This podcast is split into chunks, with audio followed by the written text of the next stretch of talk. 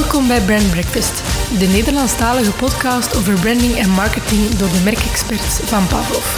Schuif gezellig aan onze ontbijttafel vol interessante topics, concrete tips en boeiende gasten.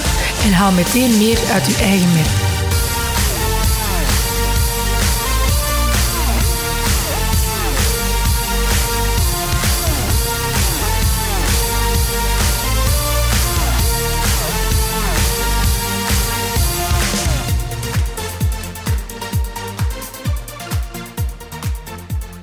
Goedemorgen, beste luisteraar. Welkom bij een nieuwe aflevering van onze Brand Breakfast podcast. We zijn vandaag opnieuw in, uh, in hoog gezelschap van niemand minder dan Joko Droon. Dag Jo. Goedemorgen. Goedemorgen.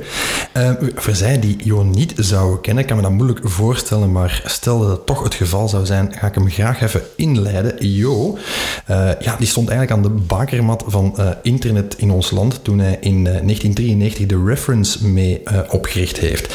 Dat was eigenlijk het eerste echte web agency van, van België, waarvan hij CEO en later ook voorzitter zou worden. Hij is daarnaast ook co-founder geweest van verschillende innovatieve bedrijven, waaronder One Agency, Social Cedar en Speakerbase. Voor de speakers onder ons, inclusief mezelf, wel bekend. Momenteel is hij aan de slag als founding partner en transformatiestratege bij Scopernia, eerder ook gekend onder de naam Duval Union Consulting. Daarnaast is hij ook gekend als spreker en auteur van verschillende baanbrekende boeken over zijn vakgebied, waaronder Media Morgen, Digital Transformation en vooral zijn recentste De Wereld is Rond, bekroond als managementboek van 2020 en vanaf volgende maand, vanaf september 21, ook in een uh, hernieuwde editie te krijgen. Laat ons daarmee starten, Jo. En ja. uh, daar wil ik het uiteraard toch wel over hebben. Ik heb je boek met veel aandacht gelezen. Um, ja, die herwerkte editie, je spreekt in De Wereld is Rond over de metastorm, de perfecte storm waar dat alles, alle verandering bij elkaar komt. Ja, dat was uh, pre-corona natuurlijk. Hè? Ja, dat hadden we niet zien komen. of misschien wel natuurlijk, want helemaal aan het eind refereer ik naar uh, Warren Buffett. Juist. Die uh, praat over The Big One. En de Big One in zijn, zijn ogen was ja, die grote ramp die op ons af zou komen. En waar geen datum op hing. En ook geen, hij zegt het kan van alles zijn, een natuurramp of een oorlog. Of, hij sprak over een pandemie. Dat woord heb ik dus niet gebruikt in het boek. Maar drie maanden later was het wel van dat. Ja. dus ja, absoluut. Hè. De, de voorspellende kracht van het boek zonder te weten wat er afkwam op ons. Ja. Nu vertel eens, die metastorm, we moeten ons daarbij inbeelden. Ja. Uh, ja, de perfect storm, zeg je zelf. Wel, uiteindelijk door het werk wat wij de jaren uh, voordat ik beslist had om terug een boek te schrijven uh, hadden gedaan, onder andere voor, voor grote banken, mm -hmm.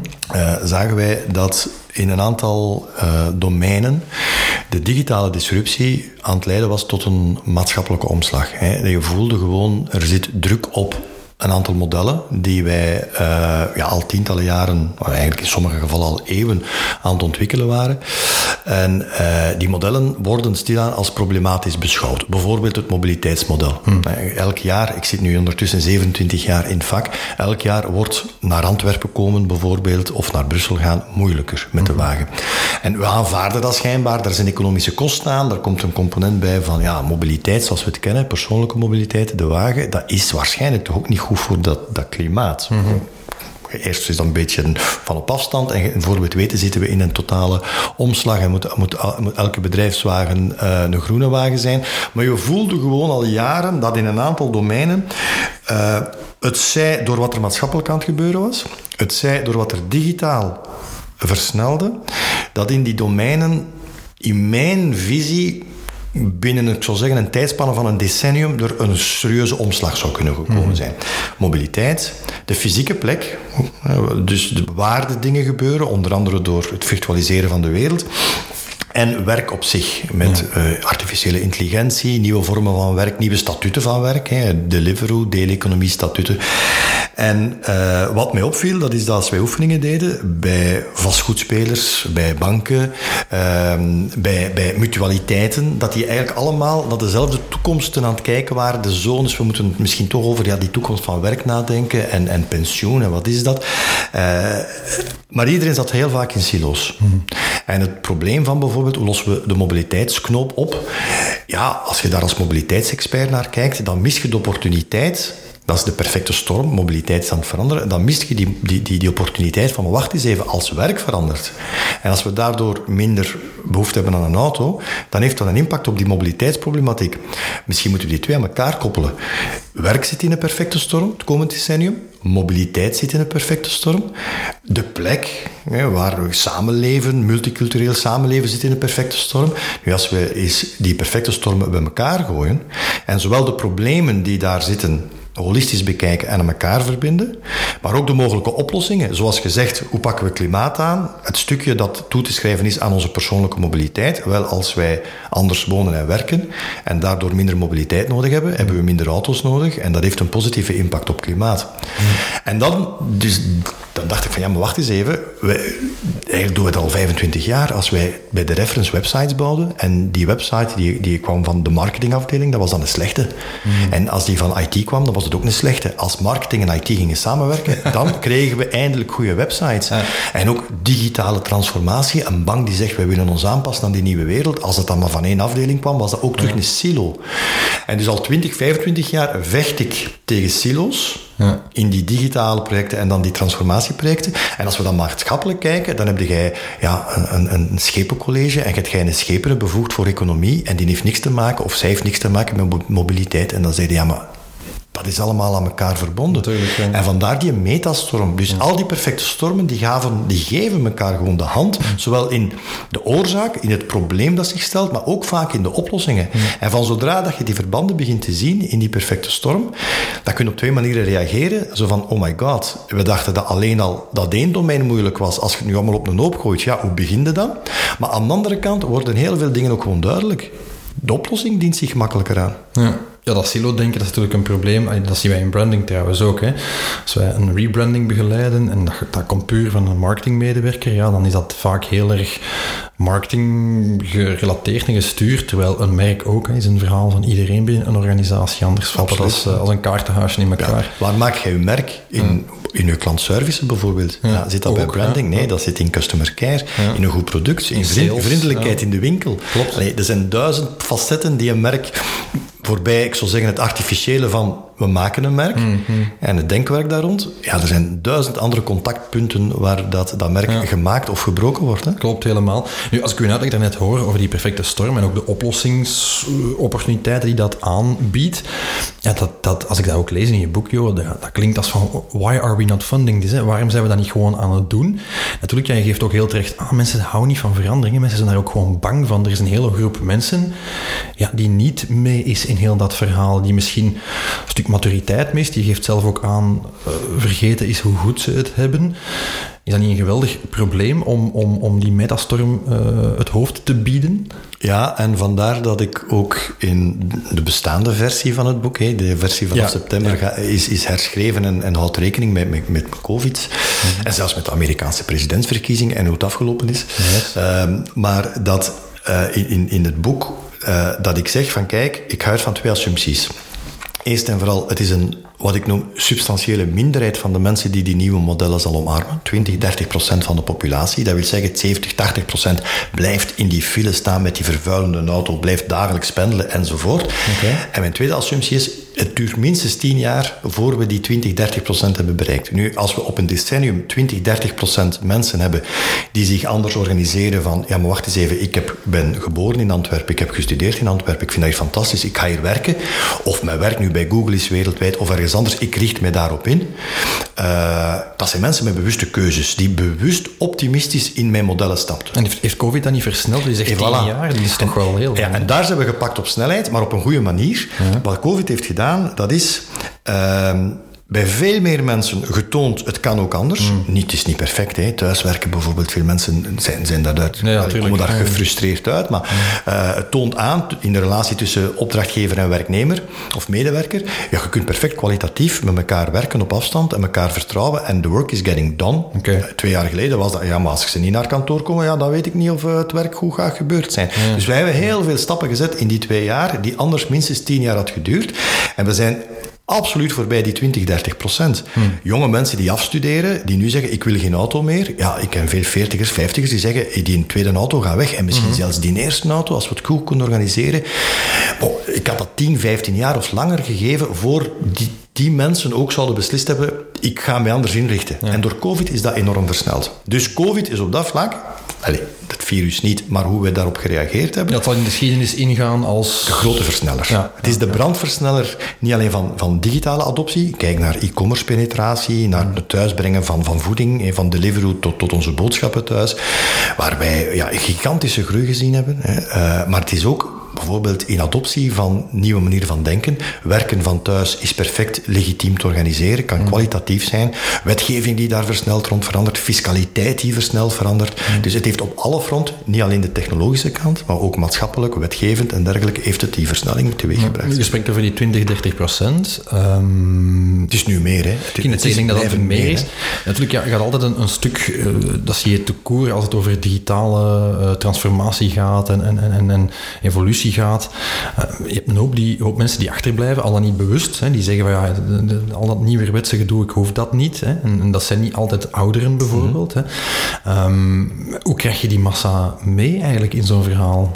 Goh, ik weet zelfs niet of we de massa altijd mee moeten hebben. Okay. Uh, ik denk dat er een, een, natuurlijk en normaal verschijnsel is dat de zaken stilaan in een bepaalde richting bewegen. Mm. Uh, er is zo de fameuze viral video geweest. Eigenlijk een viral video over viral. En dat ging over dansen. Dat was een festival. Mm. En, en dat is een videootje. En die filmt iemand die plots heel uh, outrageous begint te dansen. En iedereen denkt van, wat een lunatic is zij of hij. Ik weet niet meer of het een, een dame was. een man, ja, ja. En dan zijn er twee die erbij komen. En dan komen er vijf bij. En ineens is daar een tipping point. En die tipping point begint, maakt dat bijna heel die wij begint absurd te dansen. Er is een geweldige TED-talk over trouwens, van hoe dat, dat komt. Uh, en eigenlijk dat mechanisme zoeken we. Ja, ja. Uh, de Bastille is niet bestormd door alle Parijzenaars, maar door een kleine groep mensen, maar het heeft wel iets in gang gezet. Dus vandaar ook, had het maar 20 of 30 procent geweest, zoals ik in mijn boek beschreef, was voldoende om de maatschappij geleidelijk aan te beginnen vervangen of te veranderen. Dat daar een groep mensen is die vandaag uit een vorm van inertie of, of onbekwaamheid Zeggen, ik kan niet mee of ik wil niet mee. Goed, die groep die zal nog altijd door een bank omarmd worden. Dan gaat er misschien Argenta zijn die zegt, dat is niet erg, we gaan die nog altijd vanuit ons kantoren blijven bedienen. Maar ik kan me inbeelden dat een andere bank dan zegt, ja sorry, maar die mensen die passen niet meer in ons model. En die, die vallen uit het ene systeem uit, maar een ander systeem zal die nog wel tijdelijk opvangen. Maar vooral ook, op een gegeven moment, en hoe cru dat dat ook is, zeker als het leeftijdsgebonden is, vallen die uit, de econom, uit het economisch systeem. En ja, dan heb je de nieuwe inflow van jonge mensen, voor wie dat de manier van leven, gewoon de nieuwe manier van leven, het, het nieuwe normaal is. Hm. Ja, dus het mag een beetje tijd hebben, dat is op zich niet erg. Je hoeft niet iedereen om te slaan. Een stuk snap ik wat je zegt, inderdaad, zeker als het gaat over leeftijdsgebonden. Als je zegt van ja goed, die oudere generatie, vroeg of laat, valt die uit dat economische verhaal. Uh, vanuit een merkoogpunt, ik las vorige week een studie die, die aantoont dat uh, Generation Z bijvoorbeeld um, verkiest om fysiek te winkelen omdat ze dat zien als een soort van disconnect van uh, de Facebooks en de Instagrams en de TikToks continu. Die zien dat een soort van uh, retail therapy, maar dan met een nieuwe betekenis ja. van het woord. Maar is dat om dan in de lijst te gaan en daar Nutella te kopen? Dat zal eerder cornflakes bij te kopen? Ja. Dat gaat over experience, hè? Proeven, tasten, voelen. Eigenlijk dat wil zeggen dat misschien 80% van alles wat wij dagelijks of wekelijks ons geld, ja. geld aan uitgeven, is, is, is die experience niet. Maar hetzelfde geldt voor banken bijvoorbeeld. Hè. Ik zelf ben, ben een, een coole minnaar van wat digitalisering van banken betreft. Uiteraard betaal ik liever via een app in mijn smartphone uh, mijn, mijn, mijn rekeningen. En kan ik op elke moment van de dag mijn beleggingen checken in mijn Bolero-appje. Dat is allemaal leuk. Van de andere kant denk ik, ja, voor een serieus gesprek met mijn bankier wil ik wel nog kunnen gaan. En ja. je ziet toch dat dat zeldzamer wordt, dat er mensen zijn, je omschrijft ook in je boek ergens die angst of dat pessimisme bij een hoop uh, mensen. Ik denk dat merken soms zodanig snel willen gaan, dat er, hè, je haalt recht aan, maar ja goed, er gaan mensen afvallen, die kunnen dan elders terecht, maar soms kunnen ze niet elders ja. terecht. Hè. Is dat geen gevaar, denk je? Dat, ja, absoluut. Een hoop mensen echt gewoon achterblijven buiten hun wil om. Hè. Ik heb het niet over de koppengaards die zeggen van ik moet geen computer hebben. Uh, Wel, maar in mijn boek beschrijf ik het fenomeen wat een stukje, ik noem ze de achterblijvers van het hinterland. Ja, klopt. Ja, De mensen die uh, in de jaren 50, 60, 70, 80 furoren gemaakt hebben, die generatie, en, en, en die, of die nu garagist waren, of die waren bank, bankier, of die waren bakker. Kon niet op. Misschien tot de, de oliecrisis en dan de jaren 80. En dan de jaren 80, 90 verandert die economie. Dan wordt een service-economie. Veel maakindustrie verdwijnt. Dat wordt digitaler, dat wordt online. En die mensen zijn nog altijd wel mee. Maar ze hebben al een gevoel van, we horen er niet helemaal niet meer bij. En dan zeker met de versnelling van de afgelopen 20 jaar, waarbij globalisering nog veel sneller is gegaan, merken we dat net die mensen vaak onterecht, maar het leeft wel. Het is perceptie, zoiets hebben van, ja, maar wacht eens even, we hadden een soort afspraak met, met de economie en de maatschappij, dat het onze manier ongebreideld ging doorgaan en ineens hebben we ons moeten aanpassen. We hebben dat wel gedaan, maar tegen ons goesting. Dat is ons afgenomen ook, Het is ons, veel dingen zijn ons afgepakt, terwijl er geen echt belofte was dat dat... Nee, er is ook niet echt iets afgepakt, maar dat idee van we mogen met, met, met een V6 blijven rondtuffen en, en, en, vervuilen en dit en dat. En nee, plots is low emission zone. En nee, het is een stukje gas terugnemen, letterlijk en En wat ik beschrijf in mijn boek is, als we niet opletten, dan gaat digitaal hetzelfde doen met een groep mensen die er vandaag perfect bij hoort. Alle 30-jarige economen, bankiers, marketeers, advocaten, ga maar door, die als die binnen 10, 15 jaar niet goed omkaderd zijn en die digitale revolutie gaat te snel en bijvoorbeeld artificiële intelligentie neemt een stukje van hun werk over, dan kunnen zij die gaan aanhaken bij die, die groep die er, die er net al zei, ja maar wacht, ik voel mij achtergelaten in die digitale versnelling, waar we dan 20, 30 jaar tijd voor gehad hebben. Nu hebben we misschien 15 jaar tijd om een hele generatie relatief, ja, ik zou zeggen, jonge mensen, 30, 40, 50 jaar, die ook zoiets hebben van, hé, hey, wacht, ik kan dit ook niet meer volgen. Ja. En als je die twee bij elkaar gooit, dan heb je een heel groot stuk mensen en dan krijg je een beetje, toch wel, wat we vandaag ook al maatschappelijk beginnen zien, er zijn geen oorlogen tussen landen, er zijn, er zijn fricties die wereldwijd gaan tussen mensen die zeggen, ik hoor er niet meer bij, ja, ik word niet, niet serieus genomen, ja. en de elite, wat dat ook mogen mm, betekenen. Mm. En dat is een van de grootste uitdagingen voor mij voor de komende 10, 20 jaar. Dat is dat we deze omslag die we aan het maken zijn, dat we die polarisatie daarin niet vergroten. Integendeel, dat we daarin kansen creëren, waardoor die mensen zeggen, ja, I'm still part of it. Ja. Als we dat heel nonchalant gaan doen, als een CEO van een bank zegt, we gaan een keer ons bank doorlichten en we gaan van de 2000 medewerkers gaan we er 200 vervangen door een AI en dat gaat ons geld sparen. En die doen dat zonder na te denken over de lange termijn implicaties, dat wordt dramatisch. Dan gaan we die kloof nog groter maken. Als die zegt, nee, nee, we gaan die mensen hun werk nog beter laten doen en eigenlijk en meer tijd en ruimte geven voor een persoonlijk gesprek. Mm. En die AI zal ta saaie taken overnemen. Dus ik ga je geld sparen. Integendeel, het gaat mij misschien zelfs wat meer kosten, maar ik ga gewoon de beste bank zijn. Dan houd je die mensen aan boord. Mm. Vandaag helaas wordt heel waarschijnlijk heel vaak de keuze gemaakt van ja, kosten. En zal die, die automatisering misschien ja, toch vanuit de verkeerde invalshoek gebeuren. Hmm. En moeten we opletten dat de, de, garagist van de jaren 70, die nu vandaag kijkt zo met enige weemoed naar toen, was het goed, hmm. dat we dat niet hebben. Hetzelfde met een boekhouder van vandaag, hè, dat hij dat binnen tien jaar ook niet zegt. Hè. Nee, dat is echt, echt een opmerking. Ja, hetzelfde geldt natuurlijk voor consumenten. Hè. Je verwijst in, in een boek naar een, uh, een concept van ja, de stuff economy. Altijd maar meer spullen kopen. Uh, ondernemingen, fabrikanten van alles en nog wat die daarop inspelen door inderdaad meer stuff te maken. Ook al is dat niet altijd nodig. De levensduurte daarvan ook te uh, te beperken. Je verwijst naar een concept dat ik niet kende, maar wat ik zeer interessant vond, namelijk die, die peak stuff economy. Uh, waarbij je zegt, ja goed, we gaan meer, meer switchen naar een, naar een model waar dat niet meer gaat over meer en meer verkopen, maar meer over dienstverlening. Je ziet dat bij veel uh, ondernemingen al. Hoe moet, de, hoe moet een doorsnee merk hier in Vlaanderen daar, daarmee omgaan? wat zou je hen aanbevelen wat dat betreft? Wel, er zijn merken die zich daar perfect toe lenen. Of, ik zou zeggen, sectoren. En, en, categorieën van producten. Geef eens een voorbeeld. Uh... Uh, alles wat mobiliteit is bijvoorbeeld. Hè. Het is absurd om een eigen auto te hebben die 92% van de tijd niet gebruikt wordt, stilstaat. En als die toch gebruikt wordt nu, ik kom van de Vlaamse Ardennen naar hier, 2,5 uur. Hè. Dat, dat, ja, dat staat er stil. En als, dus ofwel gebruiken we hem niet, ofwel is het, is het niet efficiënt. Ja, uh, een wagen is de tweede grootste kost in een gemiddeld huishoudbudget voor een duur product wat we amper gebruiken. Hmm.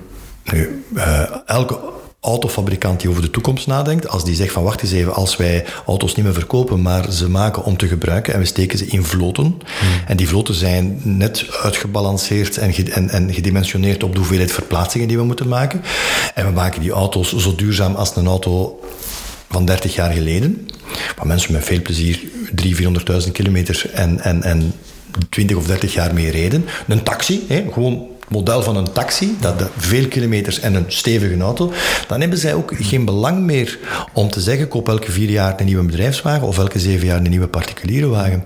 Dus als je praat over bijvoorbeeld inderdaad een, een fiets, een auto. Ja, een fiets koopt u geen nieuwe, maar laat die repareren. Ik, ben, ik word er 53 van de jaar. Ja, ik weet niet. Ik denk dat ik in mijn jeugdjaren, van zodra dat ik erop kom, tot het moment dat ik denk uit huis gegaan ben, maar één fiets heb gehad. En die werd gerepareerd. Ja, exact. Nu, stel u voor dat ik die fiets niet koop, maar dat dus gewoon dat die fiets mij 5 euro per maand zou kosten om te gebruiken, inclusief reparatie en verzekering. De eigenaar van de fiets die gaat er alles aan doen om een duurzame fiets te maken. Want als die fiets niet 5 jaar, maar 15 jaar meegaat, dat is 10 jaar langer factureren iedere maand. Hmm. En dat is de logica van dat peakstuffmodel. Dat is dat uh, een auto die niet verkocht wordt na 100 of 150.000 kilometer, maar 400.000 kilometer rijdt, of zelfs een miljoen kilometer, een elektrische auto. Als Tesla dat als niet echt een verhuurmodel, maar een gebruiksmodel in de markt zit, zet, zal Tesla veel meer geld verdienen. Hmm. Link Co, zusteronderneming uit de Volvo-groep. Net, net, gelanceerd hier. Uh, net gelanceerd. Je kan dat wel ongeveer kopen, maar je kan dat ook gewoon in een soort servicemodel hmm. gebruiken. En dan betaal je een bepaalde som per maand. Uh, en dan wordt het knap, want dan zeggen ze, als je een buur hebt of een familie die er ook wil mee rijden, dan krijg je nog een beetje geld terug. Ja. En dan wordt het slim, want dan worden fabrikanten geïncentiveerd om een product te maken dat langer meegaat. Dus de tendens van alsmaar korter en snelle vervanging en een marketingmachine die u telkens verleidt voor die nieuwe wagen, moeten we nu een marketingmachine hebben die u verleidt om die wagen te gebruiken. Waardoor u maandelijks, eigenlijk zoals Netflix, hè, je stapt er niet meer uit, uw maandelijks factuurke blijft gaan. Dat is een moneymaker voor, voor Netflix, maar ik koop geen dvd's meer. exact, Dus ik heb ook op dat vlak minder afval, ik moet minder grondstoffen mijnen, minder energie gebruiken. Uh, en ineens wordt dat een goed model. Er zijn natuurlijk categorieën waar dat niet evident voor is. Bijvoorbeeld kleding. Ik kan het zeggen, kledij is toch wel moeilijker. En als ik even mag, toch als merkstrateeg uh, daar uh, advocaat van de duivel spelen. Uh, dat klopt allemaal wat je zegt, hè, joh. En ik, ik, lees dat ook en ik hoor dat ook. Maar dat is ook wel heel erg rationeel. Hè. Het gaat over efficiëntie. Het gaat over, ja, mijn auto staat 92% stil. Maar ja, je koopt een auto niet alleen om mee te rijden. Dat is ook een statussymbool voor sommigen bijvoorbeeld. Bij ons in België. Ja. Maar ga ik naar een doorsnee Nederlander? Ga eens naar een doorsnee Fransman? Ja, toch? Die koopt een witte auto op voorhand waarschijnlijk al met deuken in, want die zijn er toch na een week in. Hmm. They don't care. Hè. in België is de auto, België, Duitsland en een aantal andere landen, is een auto een gigantisch statussymbool. Hmm. Maar als we over verandering van de wereld praten en we kijken naar andere culturen, ook in Europa, dan is een auto iets totaal anders. Hè. In hmm. Nederland rijden auto's veel langer rond, omdat hun, hun, fiscaal systeem ja, anders is. Duurder, ja, veel duurder. Dat wordt, eh, die auto's, ja, weinig mensen rijden daar met een BMW 5 rond. Bij ons, ja, van mensen, je werkt vier jaar, je hebt een, beetje een profiel, boef, je hebt dan een dikke auto. Waarom? Dat is loon. Hmm. Dus bij ons speelt dat heel sterk. Okay. In het buitenland is dat minder. En niet alleen dat. Bevraag eens een vandaag 3, 24-jarige afgestudeerde jonge dame of, of jonge heer en vraag eens prioriteit een auto of voor veel mensen, die jonge, er zijn er wel die nog altijd kicken op een auto. Ja, maar ik snap die shift. Hè. We hebben ook, de jonge generatie geeft daar al minder om. Ze. Tuurlijk, mijn vrouw en ik we hebben ook de tweede wagen weggedaan een jaar of drie geleden. Maar, maar we ook realiseerden, ja, een van de twee staat hier toch maar te roesten uh, voor de deur. 5, 6, 7, 800 euro per maand. Hè. Dat is loon dat je niet kunt opeten, je niks kunt. Nu, ik zal een klein voorbeeld geven om, om dat emotionele toch nog heel even uh, te blijven hangen. Um, mijn vader had nog vinylplaten. Ik zelf had als tiener en twintiger een gigantische cd- en dvd-collectie. Uh, je zal altijd puristen hebben die zeggen, ja, dat klinkt beter op plaat dan, dan op een Spotify. Mijn eigen stiefvader bijvoorbeeld, jij luistert naar muziek die op Spotify niet te vinden is, beweert hij. Ik weet niet of dat klopt. Ik dat zou kunnen. Ik heb het ook niet gecheckt. Um, dan denk ik van ja, eh, er zit ook wel wat emo, ook daar, hè, gewoon in het, in, in het ritueel bijvoorbeeld van een plaat opleggen op zondag. Maar dat is toch een fantastische opportuniteit. Dat is een niche. Vinyl is een niche. Mm mensen die... Ik kan me inbeelden, ik, ga, ik zal niet zeggen dat het zo is, maar dat binnen 15 jaar niemand nog een eigen auto heeft. En dat met een eigen auto rijden toch een speciaal rijbewijs en misschien fiscaliteit die heel duur zal zijn enzovoort. Maar ik kan me inbeelden dat mensen uh, vrijgesteld zijn daarvan als het een oldtimer is. Mm.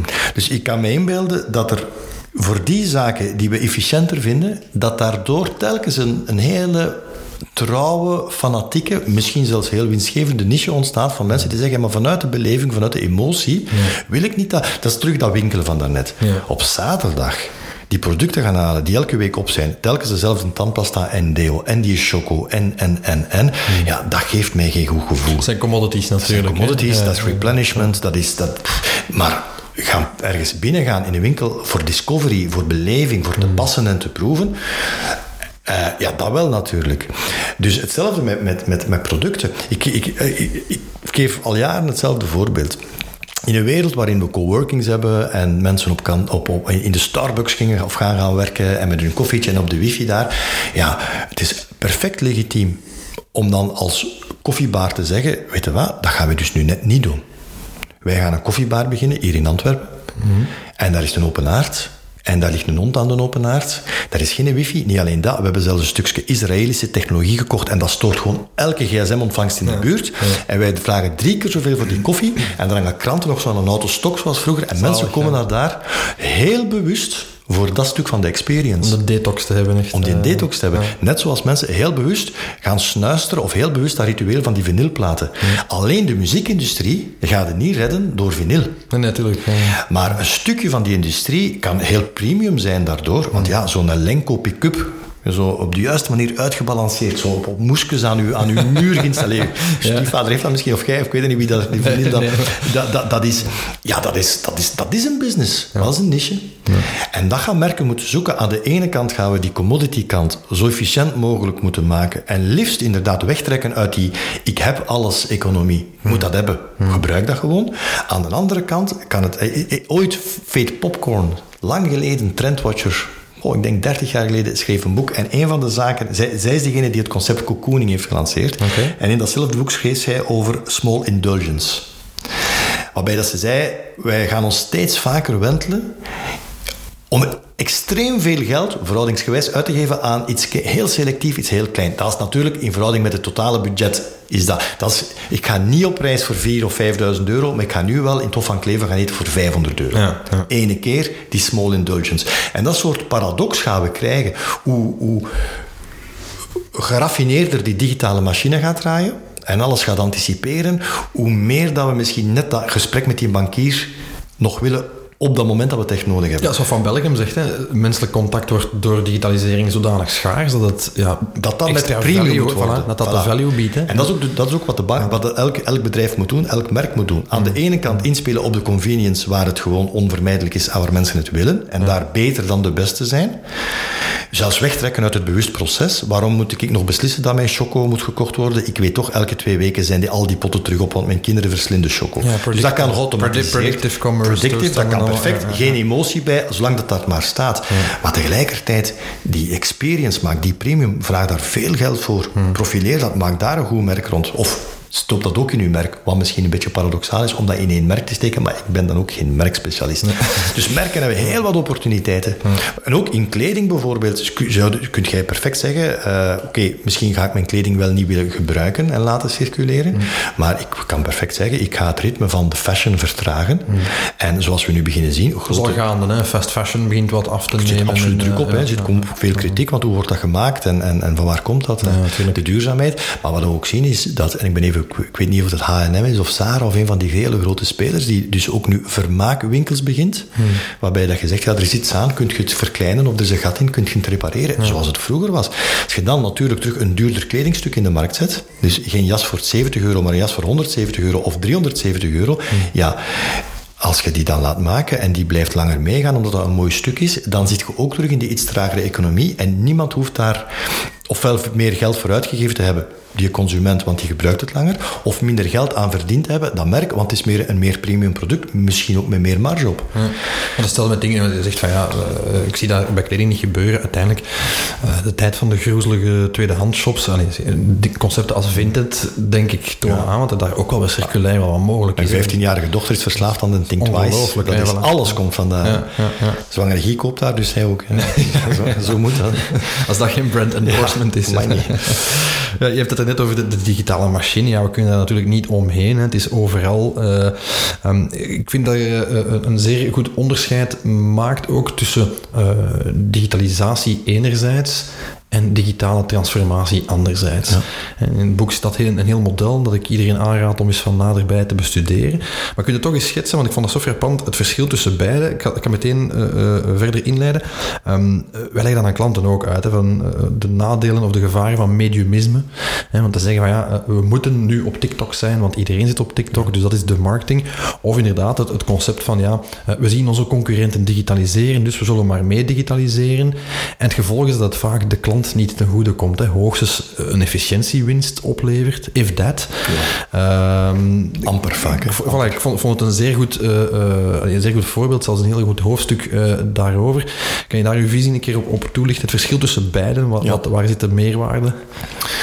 Het probleem is een beetje, hè, in mijn vorige boek, dus niet De Wereld is Rond, maar in Digital Transformation, uh, wat bijna tien jaar oud is ondertussen, dan zijn wij, waren wij echt ja, aan het begin van die digitale transformatie, revolutie en hype. Ondertussen klimt iedereen digitale transformatie. Wat in de meeste gevallen eigenlijk gewoon puur digitalisatie betekent. Ja, ja. Wat is digitalisatie? Digitalisatie, dat is dat we wat er is digitaal maken. Hm. En voor veel organisaties heeft dat een binnenkant en een buitenkant. De buitenkant is dat we onze touchpoints gaan digitaal maken. Van een loket uh, gaan we naar een website en, en, apps en van een winkel. We maken dat allemaal digitaal. Een touchscreen erbij. En ja, ja, ja, onze marketing gebeurt digitaal en onze mm. customer care gebeurt digitaal. Dat zijn allemaal touchpoints in die customer journey. Zijn touchpoints met de buitenwereld, waarvan mensen zeggen, ja, maar wacht een keer, ik bedoel, wat bedoel ik kan mijn rekeningssaldo niet digitaal raadplegen. Vroeger, vroeger moest ik bellen of naar de bank gaan of mijn afschriftje, ik wil dat digitaal. Mm. In C veranderen we door dat touchpoint te veranderen niet noodzakelijk iets aan de relatie met die klant. Nee, sterker nog, we kopiëren vaak de stommiteiten mee naar ja, het digitaal. Hè? Absoluut. Ja. Zeker als het dan gaat over de interne kant, want de interne kant, dat is dan processen digitaliseren en optimaliseren en dergelijke. Dus ik heb zo in het boek inderdaad een modelletje in twee assen. En de verticale as, dat is de onderkant, dat is die organisatie. Dat maken wij digitaal vaak vanuit efficiëntiestandpunt. Mm. En die onderkant, die raakt aan die bovenkant, dat is de buitenwereld, ons touchpoints. En ja, die maken we ook digitaal. Waarom? Vaak omdat de klant dat echt wel vraagt van ons. En ook omdat we denken dat is efficiënter, we moeten dan misschien minder sales inschakelen of whatever. Vaak de verkeerde redenen. Dus die digitalisatie as, dat is één as, vaak gedreven vanuit het moet of vanuit kostenperspectief. De horizontale as in dat modelletje, dat zegt van wacht eens even. Door digitale disruptie krijgen we want digitale transformatie is eigenlijk digitale disruptie die leidt tot business transformatie. Digitale disruptie, dat is iets kan plots digitaal en dat verandert de status quo in onze markt. Bijvoorbeeld, de middelmijn wordt eruit gesneden. Vroeger zat daar uh, uh, gaat een verkoper van een huis, een koper van een huis, en dan zat je daar met een makelaar tussen, en ineens krijg jij platformen, omdat dat digitaal kan, die zeggen, maar wacht eens, waarom zou ik niet rechtstreeks gaan, bijvoorbeeld. Ja, of dus, Uber, waar je de taxichauffeur Uber, uitknipt, of, of een boeking... Ja, waar, waar, je de taxicentrale uitknipt, en eigenlijk vervangt door een digitaal platform als een soort taxicentrale. We hebben heel veel voorbeelden van hoe digitaal plots iets anders mogelijk maakt. Mm. Verschuiving in de waardeketen, maar ook vooral een andere propositie. En vaak wordt het product een ander soort product.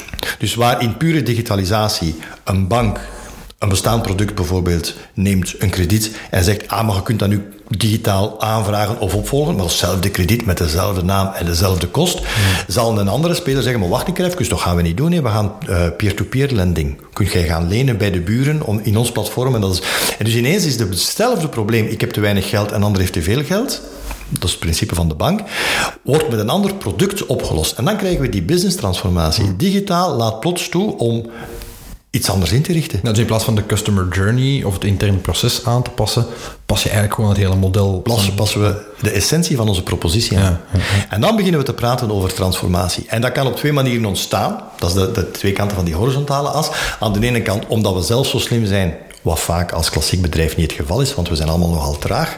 Omdat we zelf zo slim zijn om te zeggen, ah, we gaan ons product aanpassen. De andere kant is, omdat er plots in uw markt ambetantrekken zijn, zoals Uber, die gewoon heel uw markt verstoren. Hmm. Dus dat je gewoon nieuwe concurrenten krijgt die je moet gaan volgen. En met enkele jaren vertraging beginnen we die modellen te kopiëren, waardoor, ja, dat hadden we ik zou zeggen, die nieuwe uh, intreders in de markt niet gehad, dan hadden we die verandering niet gezien. Maar die zetten dan de klassieke retailers en de klassieke banken en de klassieke, zelfs onderwijsspelers onder druk om de dingen anders te gaan doen. Ja, ja. Dus ja, onze propositie verandert en onze markt verandert. En dat is veel fundamenteler dan te zeggen, ja, je kunt nu, eh, in plaats van alleen op de website ook, we hebben nu een native app. Ja, oké, ja, goed. Hè. Daar zaten we ook allemaal op te wachten, hè, die native app natuurlijk. Maar ja, als dat ons leven gemakkelijker maakt, wilden wij dat echt. Maar verandert dat iets aan onze relatie met, met, met, met, of aan de propositie? Heel vaak niet. Het probleem is dat vandaag, als je gaat kijken, en er wordt gepraat over, we spenderen veel geld aan digitale transformatie. In bijna alle gevallen gaat het over het digitaal maken van de achterkant, de onderkant, de interne kant, en het digitaal maken van die voorkant. Echt nadenken over, we gaan nu een keer een fundamenteel nieuw product bedenken of van een product naar een oplossing. Dat gebeurt eigenlijk bij, altijd bij de uitdagers en nooit bij, bij de incumbents, nooit bij de klassieke partijen die daar schrik van hebben om die verandering te maken. En dat is ergens ook logisch. Hè? Je haalt in, in het boek een prachtig voorbeeld aan, vind ik, van een supermarkt. Je zegt van ja, daar breken dan stakingen uit omdat ze ja, wat loon moeten inleveren of wat langer moeten werken. Ik denk geen. Ja, dat komt omdat mensen misschien ook niet altijd de bigger picture zien. Hè? Eh, Dat zien we in branding ook. Hè? Vaak bij een rebranding, je zou denken, dat is nu zoiets banaal vaak. Hè? Het gaat dan over een naam of een logo. Hoeveel weerstand er intern is. Maar natuurlijk niet, zoals een C-level vaak wel, eh, eh, ja, van, vanuit hun rol wel moet zien, dat je, dat je, dat je niet constateert welke bedreigingen, hè, zwaarden van Damocles er vaak boven je hoofd hangen. Ja, het is toch een kwestie van iedereen mee te krijgen in zo'n in zo'n dingen, hè, in een organisatie. Ja, en dat is fundamenteel en dat gebeurt zo weinig. Wij doen transformatiestrategieoefeningen eh, bij grote bedrijven, grote organisaties, steden en gemeenten. Dat is een kerngroep. Daar zit vaak de CEO of de burgemeester en dat is maanden hard werken met 10, 15 mensen. En achteraf slagen die daar niet in om dat verhaal verteld te krijgen aan de rest van de organisatie. Dat, komt dan, dat is wel een roadmap. Hè. Er moeten dingen gebeuren en plannen en change management en recruteringen. Maar niemand ja. snapt waarom. En als je dat niet kunt uitleggen, dat is hetgeen dat je naar refereert, dat verhaal van die supermarkt. Het verhaal was dat die supermarkt op een bepaald ogenblik zegt, we gaan flexibiliteit vragen, beste mensen in de winkels. En die mensen leggen het werk neer. En die zeggen, we hebben al genoeg flexibiliteit getoond in de afgelopen jaren. Hadden zij verteld, kijk eens wat er nu gebeurt. We hebben Amazon, die hebben Amazon Fresh. Dat bestaat al in Parijs en daar en daar. En die leveren binnen de 40 minuten uw spullen thuis. En we hebben die speler, Picnic, in Nederland. En die leveren die spullen ook thuis. En dus ja, wij gaan ons moeten daarop aanpassen. Maar wij hebben, wij hebben de visie, we hebben de plannen. Wij gaan overleven. Niet alleen dat, als grote Belgische supermarkt gaan wij sterker worden dan daarvoor. En we hebben daarvoor uw hulp nodig. Wel, als ze dat verhaal hadden verteld... Dan zouden mensen gezegd hebben, ja, dat is misschien wel waar, want ik koop ook al bij Coolblue. Ga ik niet meer naar de Van den Borren? Zegt dan die persoon die aan de kassen staat in de Deleis of in de Carrefour of in de, in de Colruyt. En ineens valt u een frank dat zij, tuurlijk gaat dat gebeuren. Ik heb vaak meegemaakt dat wij dus zo'n oefening doen voor strategie, voor, voor een directie. En achteraf, eh, ze vragen mij, kunt je dat ook gaan uitleggen, bijvoorbeeld zelfs aan de arbeiders. Maar die gasten die gaan dat niet snappen. Hè. Het zijn de arbeiders. Zou dat verschieten waarschijnlijk? Oh, wel, ik vertel dat dan bij, bij een retailer en die nog zelf producten maakt, ook in België, en met, aan die arbeiders. En de reactie van die arbeiders nogal lomp was van eindelijk. Wat dachten al, wanneer komt het? Die maakten zich zorgen, die zagen ook, want die zitten ook op hun smartphone Zijn dingen zelf te bestellen. consumenten natuurlijk, ja. Die zagen dat alleen bij hun eigen werkgever niet gebeuren.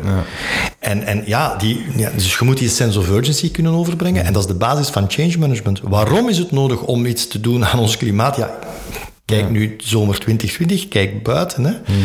Dat, dat moet elk bedrijf ook doen. Als je die verandering vraagt van je mensen, maakt het dan ook duidelijk waarom.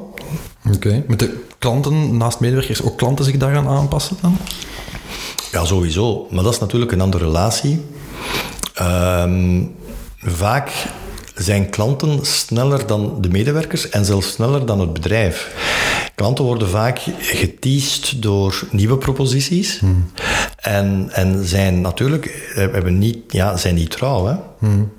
Dus als zij merken dat eh, een, een, een Uber in een grote stad veel aangenamer en, en comfortabeler is en meer convenient dan een taxi, ja, het is niet omdat ze twintig jaar met taxi Roger eh, gereden hebben, dat ze trouw, blijven aan taxi Roger. Dus ik denk dat klanten zelfs nog...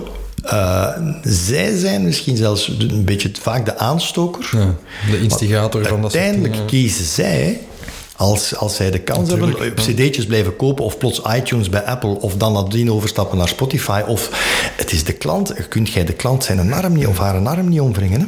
Nee. Dus als die propositie, dat nieuw, dat- die transformatie, daaruit die nieuwe businesspropositie gewoon beter pakt, beter resoneert bij die klant. Als je niet oplet, zet je je klant kwijt. Aan diegene die die propositie beter in de markt heeft gezet dan, dan jij als klassieke merk dat blijft zitten. En dan zegt je, ja, maar wij mogen dat niet, we kunnen dat niet. Dat, ons marge, kwartaalrapportering, is die klant weg. Hè? Ja. Vandaar de logische link ook, ook naar branding, denk ik. Misschien wat dat betreft, om af te ronden, Jo, een laatste vraag.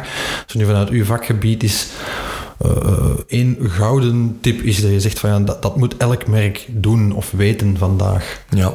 Wat is dat dan? Wel, um, dat heeft te maken met het verhaal dat nu in wording is. Wat we nu, allez, dat is eigenlijk niet het verhaal van mijn laatste boek, maar het verhaal van mijn, mijn volgende boek. Mm -hmm. Maar ik durf niet zeggen wanneer dat, dat gaat uitkomen. Spannend, hè? Ja, wacht nog minstens een jaar. okay. dus de nieuwe editie van het huidige boek, volledig corona geactualiseerd.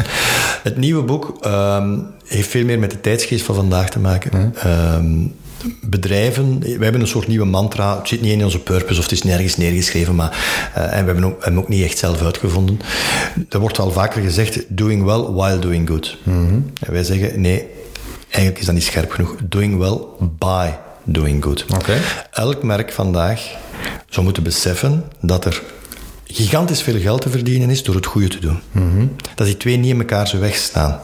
Denk ik het helemaal mee eens. Um, natuurlijk, wat is het goede doen? Ja, iedereen moet zichzelf zo voor zichzelf wat terrein afbakenen. Is dat op klimaat gericht, of is dat op inclusie gericht, of is dat op andere zaken gericht? Maar wij hebben een maatschappelijke. De economie heeft een, een morele en een maatschappelijke uh, verantwoordelijkheid die op een aantal fronten, denk aan, aan, aan, diversiteit, denk aan inclusie en vooral aan klimaat, dermate urgent is geworden dat je niet je volgende S-curve kunt starten als groot merk, daar geen rekening meer mee houdend. Sommigen hebben dan de verkeerde assumptie voor mij, van ja, maar dat gaat ons geld kosten. Ja, maar dat gaat, uh, dat, gaat onze marge, uh, aan onze marge vreten. In de periode waarin dat je investeringen doet om om te slaan, kost dat geld. Maar als je, als je Allee, vandaag als jij zegt van ja, we moeten nog met fossiele brandstof blijven energie maken, want dat is het oude model en daar maken we ons geld mee en dat kennen we. Ja, als je vandaag overstapt naar, naar duurzame energie als energieproducent, dan weet jij gewoon, dan gaat jij waarschijnlijk nog veel meer geld maken dan dat je in het verleden gemaakt hebt. Dus geld verdienen is helemaal niet fout. Een economisch model waarbij waarde blijft gecreëerd worden is helemaal niet fout. Maar je moet het gaan doen in de, in de markt van het goede. Hm. En is het allemaal non-profit en zo? Nee. Dat zijn de juiste dingen doen. De juiste sourcing, de juiste prijszetting, de juiste uh, kansen die je geeft, de juiste manier van met je mensen om te gaan, met je klanten om te gaan, met de natuur om te gaan. Dat, hoeft niet, dat hoeft niet alleen activisten te, dat is absoluut te zijn, niet geitenwolle dus sokken. Bij, bij Unilever die geven aan dat de, de merken die purpose-driven zijn en die ja. dus heel bewust op maatschappij en zo inzetten, dat die 50% sneller groeien dan degene die niet purpose-driven zijn. De duurzaamheidsgedachte moet weg van uh, A, de niche, B, geitenwolle sokken. Mm -hmm. We kunnen een hele economie echt goed laten draaien. Zelfs met een soort rampeconomie. Hmm. Als wij... Uh, klimaat gaat ons sowieso voor uitdagingen stellen de komende 30 jaar. En veel geld kosten En extreem veel geld kosten. Ja. Maar geld kosten... Dat geld gaat ergens naartoe. Hmm. Met andere woorden, degene die nu bezig is om na te denken over de woningen van morgen, die klimaatresistent zijn. In Nederland bijvoorbeeld zijn er vandaag al bedrijven die maken drijvende woningen. Ja, dat, ze kennen daar iets van. Drijvende wijken. Oké, okay, dat is experimenteel, maar als het water stijgt, stijgt het gewoon stijgt mee. Het gewoon mee. Uh, dus dat is een fantastisch verhaal om mee geld mee te verdienen, om, om, om een economie mee te maken. Maar het is een duurzaam verhaal. Dus weg van de geitenwolle sokken, weg van de idee van, ja maar wacht, ik moet aan mijn aandeelhouders uh, waarde geven, dus dat kan niet, niet duurzaam zijn. Jawel, dat kan wel duurzaam zijn. Duurzaamheid kan een gigantische opportuniteit bieden, gigantische markt openen. Uh, maar we moeten het wel echt menen. Ja. Dus het mag geen greenwashing ja, zijn. Geen whitewashing, greenwashing, ja, rainbowwashing. Echt, nee, het moet echt nee, zeker geen rainbowwashing. We moeten het echt menen. Hmm. Um, en geld maken en waarde creëren is niet verkeerd. Ik beschrijf het ook in mijn boek. Groei, economische groei zelfs, is geen vies woord. Zolang dat dat eigenlijk gewoon een instrument is voor maatschappelijke groei. Hmm. Economische groei om rijken rijker te maken. Dat die rijker worden, I don't care. Maar niet ten koste van. Economische groei om te maken dat er alsmaar minder armoede is. Alsmaar meer scholing is. Alsmaar meer kansen voor mensen. Ja, laat die economie dan alsjeblieft maar gaan. Hè. Oké, okay, mooi. Ik zou zeggen, we weten allemaal wat doen de komende weken, maanden, jaren, decennia om, om daaraan bij te dragen. ontzettend bedankt, Jo, voor al die inzichten. Ik zou zeggen, mocht u dat nog niet gedaan hebben, ja, dat kun je nog niet gedaan hebben, maar speurt in elk geval naar de winkel voor de wereld is rond. zeker was de nieuwe editie vanaf september. Ik denk 7 of 9 september in de boekhandel. Laten we zeggen, week 1 september te krijgen bij de boekhandel naar uw keuze. Uh, ontzettend bedankt voor die, voor die inzichten. Um, voilà, dan denk ik dat we kunnen afronden voor deze aflevering. Uh, ontzettend bedankt ook allemaal voor het luisteren. Aarzel niet om uh, opmerkingen, vragen die je zou hebben voor ons of voor jou, van die door te sturen. u weet ons te vinden op hello at brandbreakfast.be. Mocht je dat nog niet gedaan hebben, vergeet zeker en vast niet te abonneren op ons kanaal. Dan mist u geen enkele aflevering. En er komen er dit najaar nog een hele hoop aan met een hoop interessante gasten ook, zoals u dat van ons gewend bent. Bedankt voor het luisteren en graag tot een volgende aflevering. Dit